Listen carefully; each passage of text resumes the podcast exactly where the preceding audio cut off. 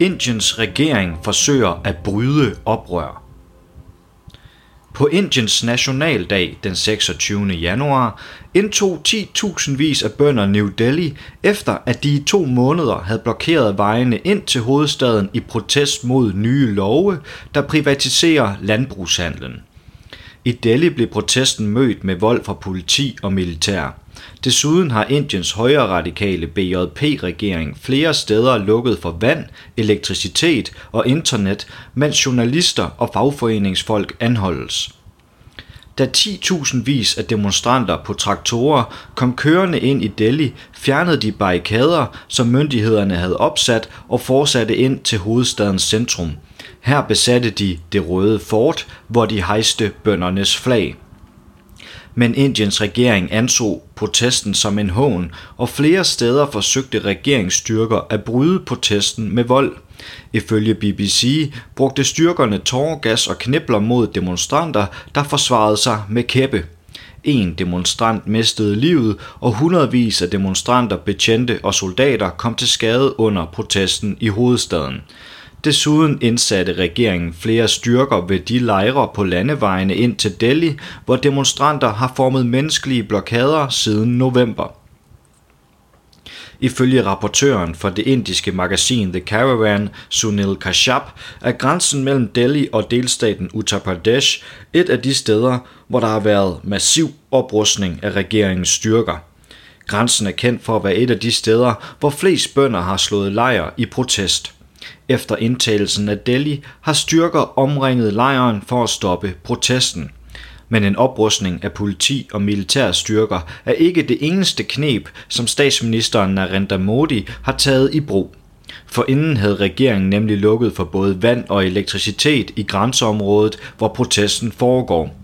I fem af hovedstadens bydele, der er blevet indtaget af demonstranter, har regeringen desuden lukket for internettet – det skete først i forbindelse med, at demonstranter gennemførte et døgns sultestrække som en del af protesten. I flere bydele er internettet fortsat lukket. Ifølge den indiske medieorganisation NewsClick har en række organisationer for digitale rettigheder fordømt nedlukningen af internettet, hvilket de i en fælles udtalelse beskriver som et brud på ytringsfriheden og retten til at leve. Desuden har BJP-regeringen anholdt over 120 demonstranter og en række andre aktører, herunder journalister, fagforeningsfolk og en politiker, der har udtalt sig om det historiske oprør. Ifølge The Caravan er tre af magasinets egne redaktører blevet anholdt, sammen med to journalister og den socialdemokratiske politiker Shashi Tahor. Det skete den 28. januar, efter at de havde udtalt sig om politidrabet på en demonstrant. Redaktørerne, journalisterne og politikeren er blevet anholdt under anklagen om, at de har opildnet til oprør. Disse anholdelser af journalister krænker og tramper på alle de værdier, som vores demokratiske republik står for. Hensigten er alvorligt at skade medierne og forhindre dem i at fungere som en uafhængig vagthund for det indiske demokrati, kritiserer foreningen Redaktørers Orden i Indien. Også flere fagforeningsfolk har stået for skud og er blevet anholdt af regeringens styrker. En af dem er Rakesh Tikat, der er talsmand for bøndernes fagforening Bharatiya Kisan. Ifølge The Caravan har Rakesh spillet en ledende rolle i blokaden på grænsen mellem Delhi og Uttar Pradesh, og han er blandt de talsmænd, der har repræsenteret bønderne i forhandlinger med regeringen. BJP-regeringens folk planlægger at dræbe bønderne, græd Rakesh, da han blev arresteret. Han sagde desuden, at han hellere ville dø end at stoppe oprøret. Efter at optagelser af Rakeshs anholdelse gik viralt, flokkedes demonstranter fra de omkringliggende delstater til blokaden. Samme nat var flere fra Rakeshs egen hjemby dukket op, og næste morgen ankom fyldte traktorer og lastbiler fra andre områder. På rådhuse i delstaterne Haryana og Uttar Pradesh blev der afholdt møder, der yderligere mobiliserede de lokale bønder, som blev opfordret til at rejse til blokaden. På den måde fik grænselejren tusindvis af nye indbyggere. The Caravan fortæller, at der i lejren straks blev afholdt møder med henblik på at planlægge den fremtidige strategi. Trods den højre radikale regerings forsøg på at knække demonstrationerne, er det ikke lykkedes at bryde blokaden rundt om Delhi, og heller ikke inden i selve hovedstaden har bønderne stoppet deres protester.